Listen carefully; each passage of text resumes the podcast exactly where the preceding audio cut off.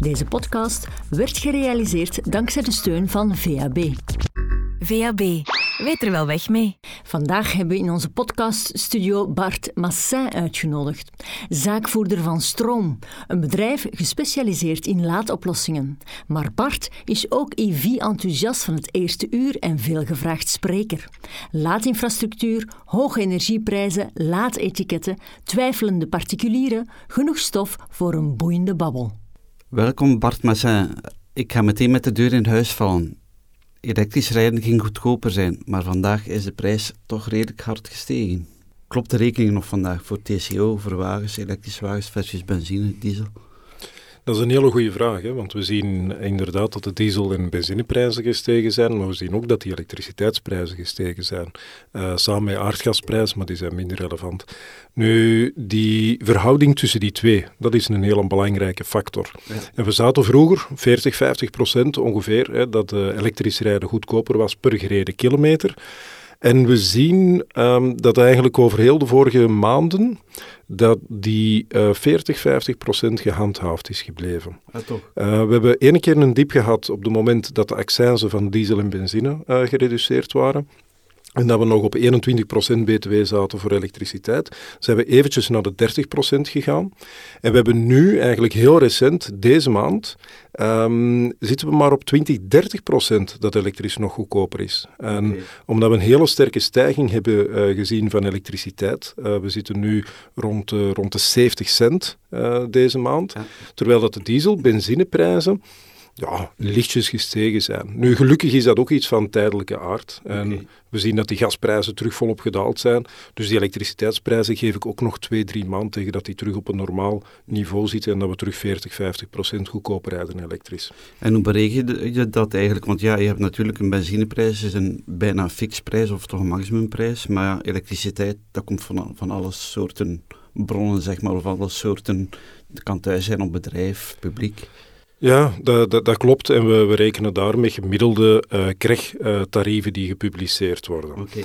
Um, met gemiddelde, weet je, Filip, uh, ga je altijd iemand uh, over- of ja, onderschatten. Ja. je hebt mensen die, die vijf jaar geleden zonnepanelen geïnstalleerd hebben. Ja, die gaan natuurlijk aan een veel lager tarief ja. kunnen, kunnen laden. Iemand met een vast contract van voor de energiecrisis, die gaat natuurlijk ook goedkoper laden.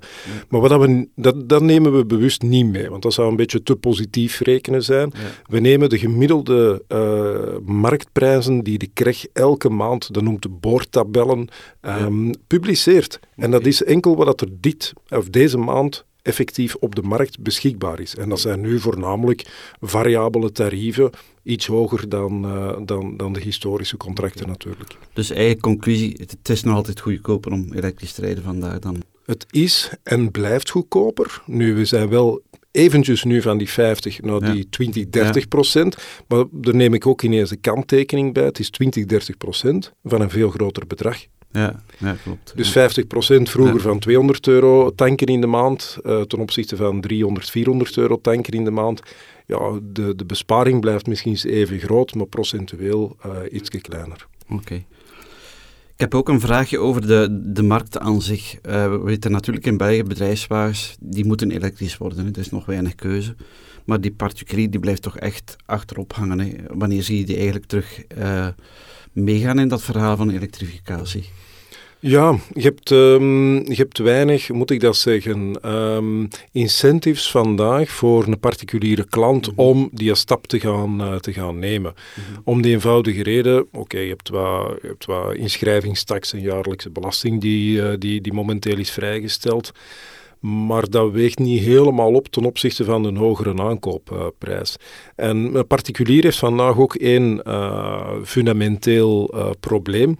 Dat is dat we met z'n allen nooit denken aan de restwaarde. Mm -hmm. Nu, die restwaarde wordt wel voor een groot deel nu beïnvloed door lage emissiezones, binnenkort zero-emissiezones, ja. waardoor dat u een diesel binnen dit en 7, 8 jaar uh, Brussel niet meer binnen kan. Dus dat heeft wel een impact waardoor dat sommige mensen nu al die switch beginnen te maken. Mm -hmm.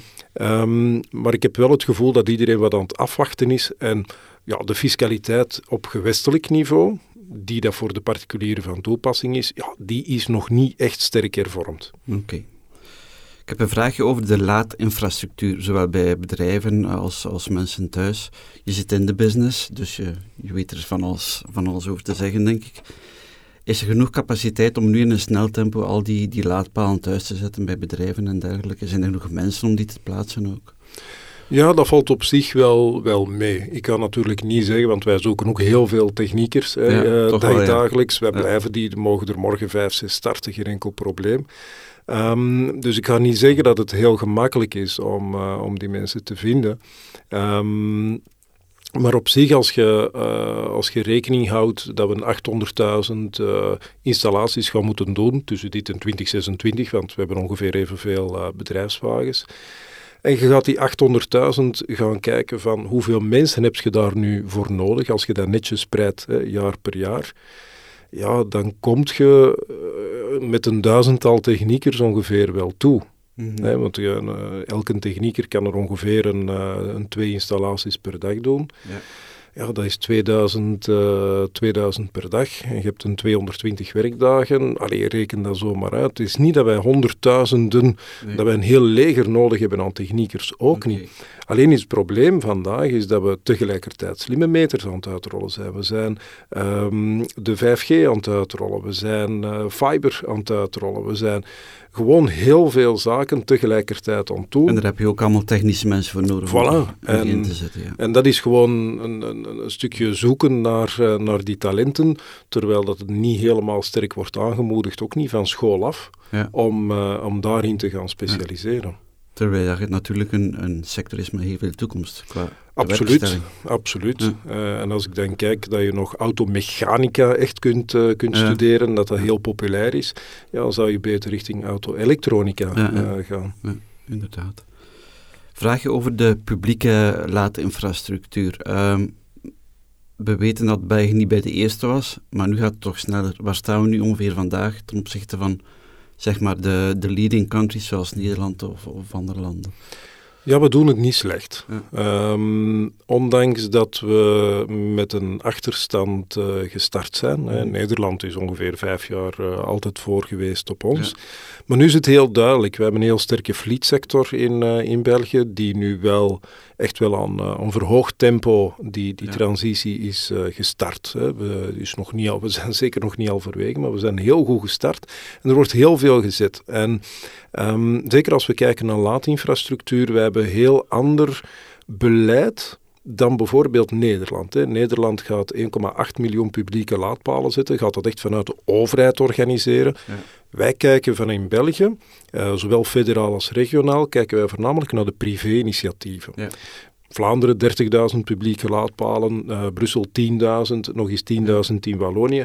Die 50.000 ten opzichte van 1,8 miljoen, denk je van we zijn heel slecht bezig. Ja. Maar de focus ligt hem voornamelijk via belastingsvermindering privé, via 200% fiscaal aftrek voor bedrijven, Ja. ligt de focus volledig om het als eh, in privatieve locatie laadpalen te gaan voorzien. Ja. Dus heel veel bedrijven voorzien nu laadinfrastructuur. Terwijl in Nederland die zeggen gewoon van ja, wij gaan er niet in investeren, want we gaan maar parkeren op straat. Ja, Want daar zit de laadinfrastructuur. ja, het is een andere, een andere is een ander- ja. filosofie eigenlijk. En op zich is het niet slecht dat de, een, eh, de private markt dat initiatief trekt. Het is niet aan een overheid om alle laadpalen Ja. overal te gaan voorzien. Want vanuit, vanuit eh, de, ja, de automobielsector zeggen we al jaren, de overheid moet zijn verantwoordelijkheid nemen. Maar dat wil daarom niet zeggen dat de verantwo- eh, verantwoordelijkheid ligt in het plaatsen van publieke laadpalen. Mhm. De overheid heeft zijn verantwoordelijkheid genomen door een fiscaal gunstregime te maken Ja. voor het plaatsen van laadpalen op bedrijven en eh, bij medewerkers thuis. Oké. Ik heb nog een vraag daarover. Ehm, bij publiek laden heb je het, het, het probleem van de prijstransparantie. Hè? Ja. Als je gaat tanken, je weet, je ziet de literprijs, geen probleem. Maar als je gaat laden, het is echt, het is bijna onmogelijk om, tenzij dat je een app gaat kijken, dan kan je misschien op voorhand weten wat het gaat kosten. Is daar verbetering eh, eh, op dat vlak? Dat is lopende. Ja. Ehm, maar ik wil nog één stap terug gaan eigenlijk, Filip. Dat is als je rondrijdt in, in uw elektrische auto en je rijdt op de autosnelwegen, dan zien wij vandaag eigenlijk al uh, niet eens waar dat de snellaadinfrastructuur is. Transparantie begint bij mij al met het zichtbaar maken langs de autosnelwegen. Zoals de literprijzen. Ja, en dat we zien van binnen 20 kilometer eh, zie je vandaag is een Shell, uh, dan een Total tankstation binnen 50. Maar je ziet nergens iets van zichtbaarheid rond waar zijn nu snelladers, hoeveel zijn die? En hoeveel zijn er bezet. Zou je visueel, zoals dat de, tram of de bus, hè, dat je die signalisatieborden, dat kunnen we al doen. Volgende stap is als je daartoe komt, want je zou die prijzen ook al op die digitale borden kunnen zetten. Ja. Maar als je dan toekomt op die laadpaal, ben ik er ook uh, heel sterke voorstander dat die prijzen onmiddellijk en zichtbaar op de laadpaal geafficheerd moeten worden. Ja. Um, ik pleit dan ook voor uh, sowieso laadpalen zouden een, uh, een scherm moeten hebben. Mhm. Omdat die tarieven met QR-codes, ik, ik, uh, dat is ook niet altijd voor iedereen. En ik denk dat uh, bij de consumentenbescherming, dat ze er ook van uitgaan van ook iemand die zonder smartphone, zonder internet, moet ook gewoon die prijzen kunnen zien. En ik volg dat daar ook wel ergens. Dus een laadpaal met een scherm gelijk op een pomp, hè, een benzine, dieselpomp, ja, zet daar gewoon de actuele uh, prijs op wetende ook dat die uh, tarieven veel meer gaan variëren zoals diesel, benzineprijzen, ja. dan kun je zelf verschillende tarieven hebben, uur per uur. Ja. En dat gaat je op een manier ook moeten kunnen visualiseren. Wat er een beetje bij aanleunt is eigenlijk die, al die laadpassen of apps die je hebt hè, om, om publiek te laden. Nu, er is wel een verbetering op komst in mijn roaming. Kan je daar iets over zeggen? Ja, die, op zich valt dat vandaag al redelijk goed mee. Ehm, omdat je hebt drie grote roamingplatformen in, uh, in Europa. Je hebt een Duits systeem, uh, Hubject, een Frans systeem, Gireve en e-Violin in, uh, in Nederland. En als je daarmee je laadpasje aan bent gekoppeld en als laadpaalbeheerder aan bent gekoppeld, dan communiceert de laadpaal en de laadpas eigenlijk mm goed. Nu de, uh, die, ja, die, die koppelingen die zijn er. Natuurlijk heb je sommige kleinere spelers die maar gekoppeld zijn met één platform of maar een paar bidirectionele uh, afspraken hebben, ja. dan loopt het dikwijls mis naar interoperabiliteit op dat vlak. Hè. Nu, met die roaming, um, en dat is een redelijk complexe data-uitwisseling van mm facturatie, een beetje te vergelijken gelijk een bankcontacttransactie. Ja. Um, wat ik daar vandaag ook nog wel voor een stuk in mis, is uh, die transparantie, mocht er op dat vlak iets uh, fout gaan. Mm want we zeggen al snel van, oh, het laadpasje werkt niet. Ja. ja, maar dat kan aan de auto liggen die bijvoorbeeld niet, uh, niet wilt laden wegens een foutmelding. Dat kan zijn dat de laadpaal niet opstart. Dat kan zijn dat het laadpasje wel actief is, maar bijvoorbeeld via de roaming de connectie of geen groen licht krijgt om te activeren. En, dus het kan eigenlijk fout gaan op heel veel vlakken. Ja, ja. en dat is als je morgen als bestuurder uh, rondrijdt met een elektrische wagen en je wilt ergens gaan laden, mhm. ja, dan weet je dat niet altijd. En het is ook voor heel veel partijen, hè, wij, wij, wij krijgen ook die vragen, hè, het, het laadpasje werkt niet. Goed, maar dan willen wij gaan kijken, een upstream. En we hebben bijvoorbeeld heel weinig transparantie in die roamingplatformen. Ja. want er kan een connectieprobleem zijn op een bepaald moment. Die server kan er even uit zijn, maar je ziet dat niet. En je kunt dat ook, die feedback niet geven aan die bestuurders. Dus ook op dat vlak uh, denk ik in die, ja, in die steeds matuurder wordende markt rond, uh, rond e-mobility, dat we eigenlijk ook een Europees platform nodig zouden hebben om te zien, mocht daar ergens uh, een downtime zijn, ja. dat, je, dat je die problemen eigenlijk ook gewoon zichtbaar maakt en transparant maakt voor de markt.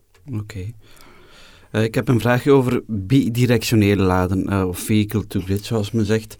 Je ziet nu al dat heel veel mensen naar een, met zonnepanelen dan naar een thuisbatterij gaan. Nu ja, bidirectioneel is natuurlijk, je hebt een grote batterij van de auto. Heeft dat toekomst? Komt dat eraan? Dat is, er. Dat is er. Dat is er, maar nog heel beperkt. Ja. En uh, je krijgt wel, uh, in, in de markt zie je wel dat er heel veel partijen zeggen van oké, tof, hè, dit, is, uh, dit is hetgeen dat we mm. moeten, moeten hebben. Um, omdat er heel veel potentieel in zit. Ja. Omdat je, ik noem dat eigenlijk een battery pack uh, vroeger voor je gsm, heb je nu een grotere voor je huis. Ja. En daar kun je veel mee doen. Net zoals dat we onze gsm ook uh, remote kunnen opladen en uh, langere autonomie. En als we geen stopcontact hebben, hebben we toch stroom. Dus dat is hetzelfde met die een auto, die grote battery pack op, op wielen. Maar er zijn vandaag nog wel heel wat kanttekeningen bij te zetten.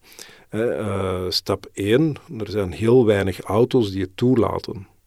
Ehm, Nissan uh, Leaf is een Ja. van de weinige wagens die het eh, vandaag open heeft hè, en dat je fabrieksaf mee kunt doen. Er zijn heel veel wagens die het wel hebben, maar softwarematig niet toelaten.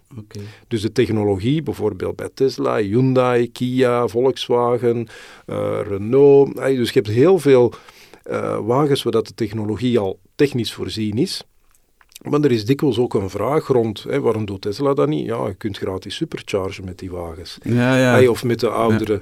Dus als je daar dan gratis mee gaat laden, je komt over huis en je gaat die elektriciteit gebruiken voor je woning, ja, dat is, dat is een gratis energiecontract eh, lifetime. Ja, dat gaan ze niet geven op, eh, voor die wagens. Hè. En zetten Ehm, de netwerkbeheerders daar ook een rem op? Dat is natuurlijk een businessmodel in, in gevaar zien komen. Als iedereen op, op bedrijf gaat eh, zeg maar laden en dan naar huis rijden de hele avond. Ehm, ja, eh, dat is eh, de voorbije jaren hebben we die eh, debatten wel voor een stuk eh, gehad met, met hen, dat ze heel veel schrik hadden om, ehm, om voornamelijk ja, dat ze niet goed weten hoe dat die markt gaat, zich gaat gedragen en hoe dat ze die netcalculaties of die netdimensionering erop moeten, moeten voorzien. Ehm, maar zij hebben... Eigenlijk zouden ze daar geen schrik voor moeten hebben, omdat een elektrische auto, zeker die bidirectioneel kan laden, net de oplossing is voor heel het energievraagstuk. Om die pieken uit het... eh, Om uit het net eigenlijk te gaan halen, zonnepanelen, ja goed, steekt die in de wagen. En Ja. tijdens de piekmomenten, typisch s'avonds en s ochtends, wanneer dat we met z'n allen aan het verbruiken zijn, ja, dan moet die wagen even het, eh, de, de functie van het leveringsnet overnemen. ja. En dan halen we die elektriciteit daaruit en hebben ze veel minder impact op hun distributienet. En dat is trouwens ook waardoor de eh Synergriet, de federatie van de netbeheerders, die hebben de voorbije jaren hebben die, eh, studies gelanceerd, hebben die altijd gezegd, wij kunnen vlot anderhalf miljoen, eh allee, een miljoen tot anderhalf miljoen auto's eigenlijk, eh, eigenlijk laden. Dat hebben ze altijd heel standvastig eh, gezegd. Terwijl nu, een paar maanden geleden, dat er plots een investeringsplan van 4, 5 miljard klaar ligt om dat net te gaan versterken. En dan Ja. vraag ik mij zoiets af van 4, 5 miljard, dat is, hey, dat is veel geld. dat is veel. Terwijl dat die eh, distributienet, dat is pure infrastructuur. Die infrastructuur overdag wordt die 's ochtends en 's avonds heel intens gebruikt. Een beetje zoals onze autosnelwegen. Ja. Maar moeten wij morgen 4, 5 miljard gaan investeren om bijkomende autosnelwegen aan te leggen? Wetende dat onze autosnelwegen s'nachts niet gebruikt worden. En als er nu één moment is dat we de auto kunnen opladen, is het s'nachts. En daarmee dat dat ergens niet klopt, dat die 4, 5 miljard investering nu plots nodig is, zogezegd voor die elektrische mobiliteit, terwijl dat die laadinfrastructuur, hè, distributienet, compleet ongebruikt erbij ligt s'nachts. Kunnen Ja. vlot 3 miljoen, 4 miljoen wagens opladen, elke Ja. nacht. Dus er is iets dat niet helemaal... Dat, dat niet helemaal klopt. Helemaal klopt, nee. Nu, op dat bidirectioneel laden, eh Filip, er zijn nog een paar partijen die dat daar hun vraagtekens bij gaan hebben. Hè. Eh, de OEM's, omwille van ook die garantie. Je krijgt vandaag nog altijd garantie op basis van kilometers. Ah ja, je gaat dan beginnen laden en ontladen als, Ja. als, eh, als batterij eigenlijk. Dus je batterij kan elke dag Ja. volledig leeggetrokken worden, terug volgeladen, terug Ja. leeggetrokken. En als je ongeveer ja, 300, 400 kilometer met een volle batterij rijdt, ja, dan is dat een equivalent van 800 kilometer per dag dat je rijdt. Als je dat 365 dagen doet, ja, en dat is een nieuwe auto die je niet gereden heeft, ja, die gaat wel qua batterij eh, op een bepaald moment, na 5, 6 jaar, dan zit hij nog altijd onder de garantie, maar ja, heeft hij misschien eens 2 miljoen kilometer op de teller. En dat is Virtuele kilometers van... virtueel, naar Van slijtage. hè. werken, Ja, ja. naar slijtage. En dat is ook wat dat leasingmaatschappijen vandaag nog, nog on, ay, onvoldoende mee bezig zijn. Ja. Zij geven ook allemaal eh, ja, eh, looptijden in functie van kilometers om hun restwaarde te gaan bepalen. Mhm. Maar restwaarde voor een elektrische wagen is een kilometer eigenlijk niet relevant. Mhm. Het is het aantal cycli dat uw batterij doet. Oké. Ik heb een eh, populistisch vraagje.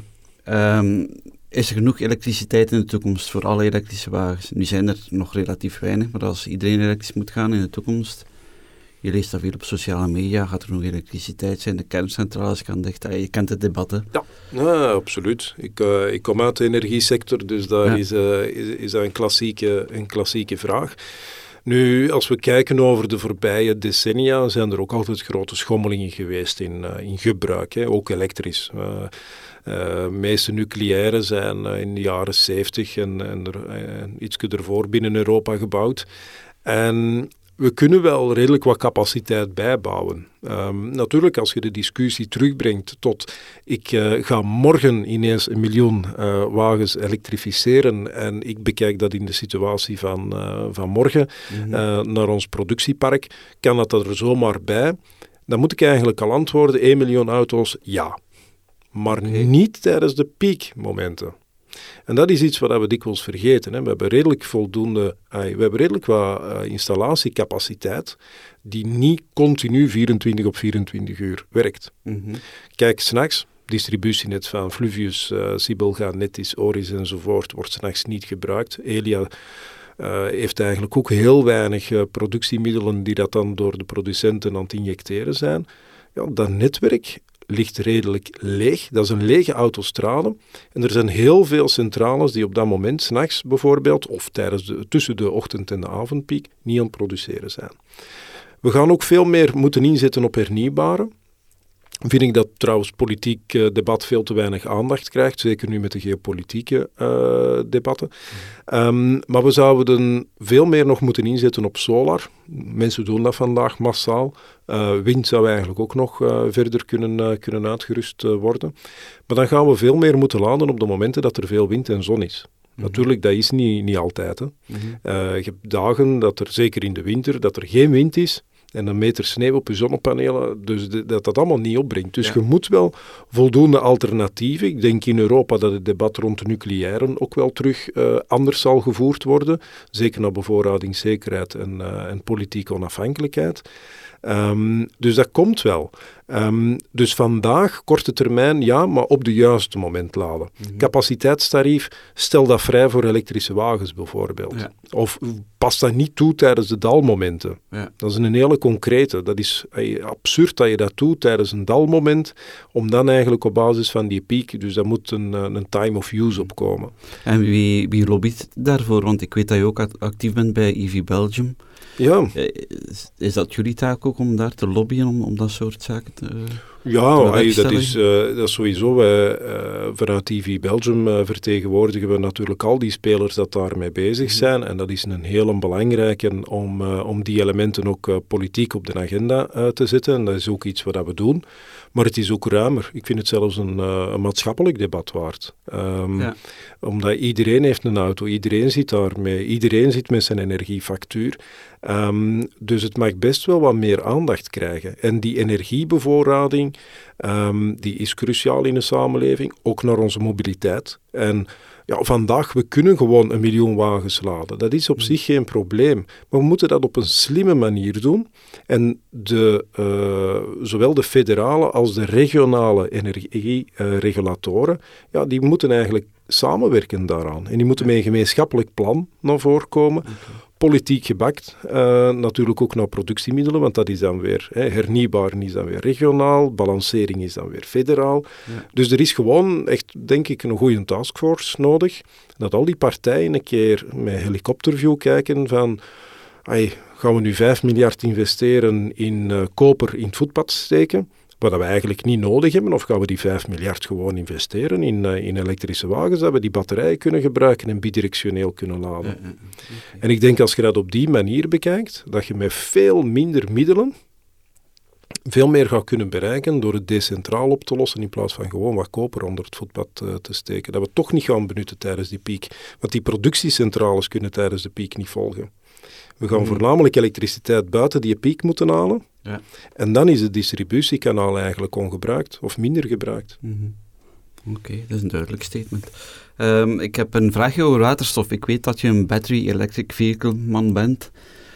Zie je nog een toekomst voor waterstof naast de battery electric vehicles? Goh, ik, um, hey, dat is een leuk statement. Um, want ik ben ook wel een fuel cell uh, believer. Ah, toch wel? Uh, ja, maar mijn uh, ingenieursbrein berekent het ook wel altijd graag. Ja. En als je puur het waterstofgebeuren uh, uitrekent vandaag ten opzichte van, uh, van een batterie-elektrische wagen, ja, dan zitten we toch in een kostprijs maal 3, maal 4 voor de waterstof ten opzichte van, uh, van, van, van de puur elektrisch aangedreven. En kan dat goedkoper worden in de toekomst of niet? Ja, uw basisproduct is elektriciteit voor waterstof. Hè. Het ja. is niet dat we ergens in de zee wat water gaan scheppen en dat er waterstof ja. uitgefilterd wordt. Hè. Ja, dat, je gaat letterlijk elektriciteit op water zetten om dan die waterstof eruit te halen. En dat is gewoon een efficiëntie van ongeveer 25 procent, waardoor dat uh, waterstofrijden ja, per definitie vier keer zo duur is elektrisch. Maar ik geloof er wel in. En ook, het zal niet voor iedereen een optie zijn om uh, thuis zijn elektrische, uh, of batterij-elektrische wagen te laden. En als jij in een stedelijke omgeving woont en je hebt die mogelijkheid -hmm. niet, ja, dan is waterstof wel een alternatief. Ja. En dan kun je waarschijnlijk TCO-gewijs in je budget ga je een kleinere elektrische wagen nemen, eh, sorry, een kleinere uh, waterstof-elektrische wagen nemen, omdat een groter gedeelte van je TCO-budget in je brandstof waterstof gaat, om dat te gaan tanken. Mm -hmm. Dus het kan een beetje een keuze zijn, ga ik een model downgraden, waterstof, of kan ik een modelletje hoger uh, met batterij elektrisch, omdat die running cost voor, voor batterij elektrisch gewoon, uh, gewoon lager ligt. Mm -hmm. Okay. Dus de twee gaan complementair naast elkaar. En ik geloof zelfs ook in hybride technologie op dat vlak. En wat bedoel je daarmee met hybride technologie? Ja, zoals niet, niet de klassieke hybride die we kennen Ja, voor een stuk wel, mm -hmm. maar waterstof en batterij gecombineerd.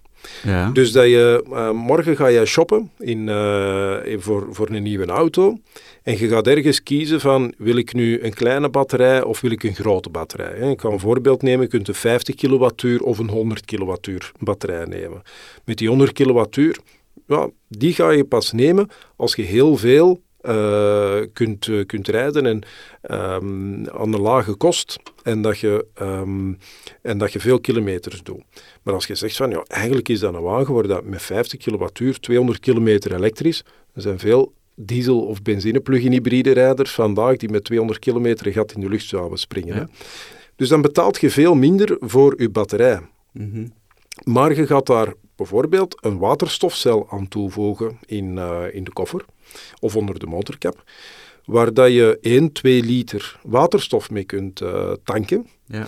Maar dan heb je de combinatie een beetje van de twee. Je kan heel het jaar door perfect aan een lage kostprijs batterij elektrisch gaan rijden. Ja.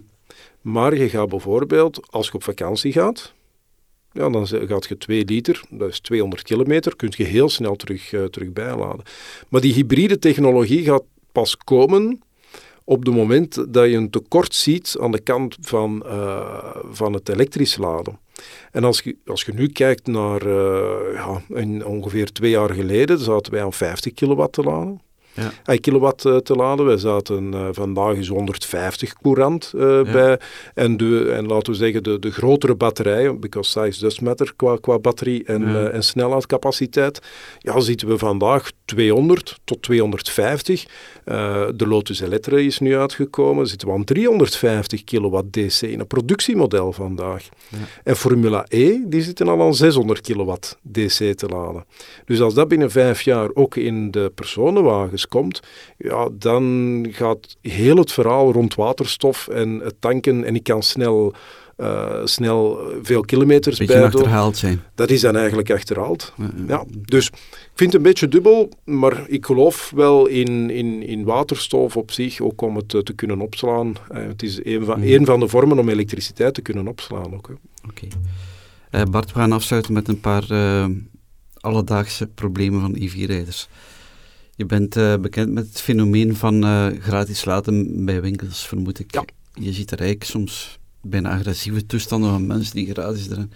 Is dat een aflopend verhaal, denk je? Of moeten ze daar iets aan doen dat dat toch echt... Uh... Goh, um, gratis is nooit gratis natuurlijk. Ja. Het is een... Um, ik bekijk het als een vorm om cliënteel aan te trekken naar je zaak. Mm -hmm. Een heel belangrijk is een of andere Zweedse eh, ja. meubelverkoper, uh, waar, dat je, waar dat je gratis kunt gaan laden. Mm -hmm. Nu, in de periode, laten we zeggen voor de energiecrisis en als in contracten met zonnepanelen enzovoort, ja, die betalen ongeveer 10 cent per kilowattuur. En je kunt daar aan 11 kilowatt gratis laden. Dat is 1 euro per uur. Als je met 1 euro per uur eh, blijft winkelen, ja, uw kar wordt gevuld dan 100, 200 euro per uur. Dus commercieel is dat een super slim verhaal. Ja. En, en zo geloof ik er ook wel in dat je uh, enerzijds comfort, luxe, uh, maar ook gewoon volume gaat aantrekken. Mensen die in, uh, in de week in, in een stedelijke omgeving wonen, die gaan toch ene keer gaan, gaan winkelen. Ja. Als je daar snellaanders hebt, ja, dan zie ik vandaag heel veel elektrische rijders vandaag trekken naar bepaalde winkels waar je gratis ja. hebt. Dus dat werkt wel. Mhm. Vanuit de commercieel. Natuurlijk gaat je moeten kijken wat de kostprijs is van die elektriciteit. Gaat het gratis blijven? Daarom niet per se. Maar je kunt ook wel met een korting op de elektriciteit. en als je thuis... we zitten nu... Oké, we zaten altijd rond de 25 cent. Het is nu 70 cent. Uh, voor wie dat nu een nieuw contract afsluit. Ja, als je morgen aan 40 cent in de supermarkt kunt gaan uh, laden, dan doe je dat erbij, want je bent er toch een half uur of een mm. uur. Mm. Ik stel de vraag ook en vooral omdat er natuurlijk zoiets is als laadetiketten of uh, een gebrek daaraan. Je ziet toch wel mensen die speciaal op een parking gaan staan van een supermarkt, niet gaan shoppen. En dan krijg je natuurlijk toestanden die tot... tot uh... Ja. ja, en dat is met parkings in, uh, in stedelijke omgeving ook. Hè. Ja. Uh, parkingen zijn schaars en mensen zetten hun auto daar dan en gaan dan iets anders gaan doen in plaats van naar de winkel te ja. gaan. Ja, dat hebben ze opgelost met een ticketje aan de kassa. Ja. En ja, aan de laadpaal komt dat dan ook. Hè. Dan gaat je binnenkort ook een ticketje krijgen van als je daar uh, geshopt hebt. Of per zoveel, uh, per 10 euro. Krijg je bijvoorbeeld een euro dat je, dat je kunt laden. dat kan ook, hè, dat je een soort punten of, of getrouwheidskaart krijgt. Hè. Nu, er is ook wel goed nieuws, heel recent, voor publiek laden. Hè? Ja je moet nu eindelijk je stekker je moet, je moet, hem, je ja. moet hem in de prijs steken. Ja. Iets wat in Nederland al een decennium uh, ondertussen ingeburgerd is, uh, heb je in, uh, in België nu ook wel de verplichting, en dat kan via gasboetes, dan kan je beboet worden als je gewoon op de plaats staat en niet aan het laden bent. maar er is nog een klein, een klein weetje daar ook over. Uh, we hebben dat ooit eens uh, gevraagd aan de minister van, uh, van Mobiliteit via parlementaire vraag. En dat is eigenlijk dat in België enkel elektrische wagens mogen opladen bij publieke laadpalen. Dus plug-in hybrides mogen volgens de letter van de wegcode niet, niet laden aan een Belgische laadpaal. Nu, er wordt niemand op beboet en dat wordt niet opgevolgd. Dat maar, wist ik niet. Maar zo staat het wel letterlijk in, in de wegcode. We hebben dat ooit eens aan eh, minister Bello gevraagd, toen hij nog minister van Mobiliteit was. Eh. Okay. Bart Massin, ik ga je bedanken voor dit gesprek. Het was heel interessant. Graag gedaan, Filip. Tot later.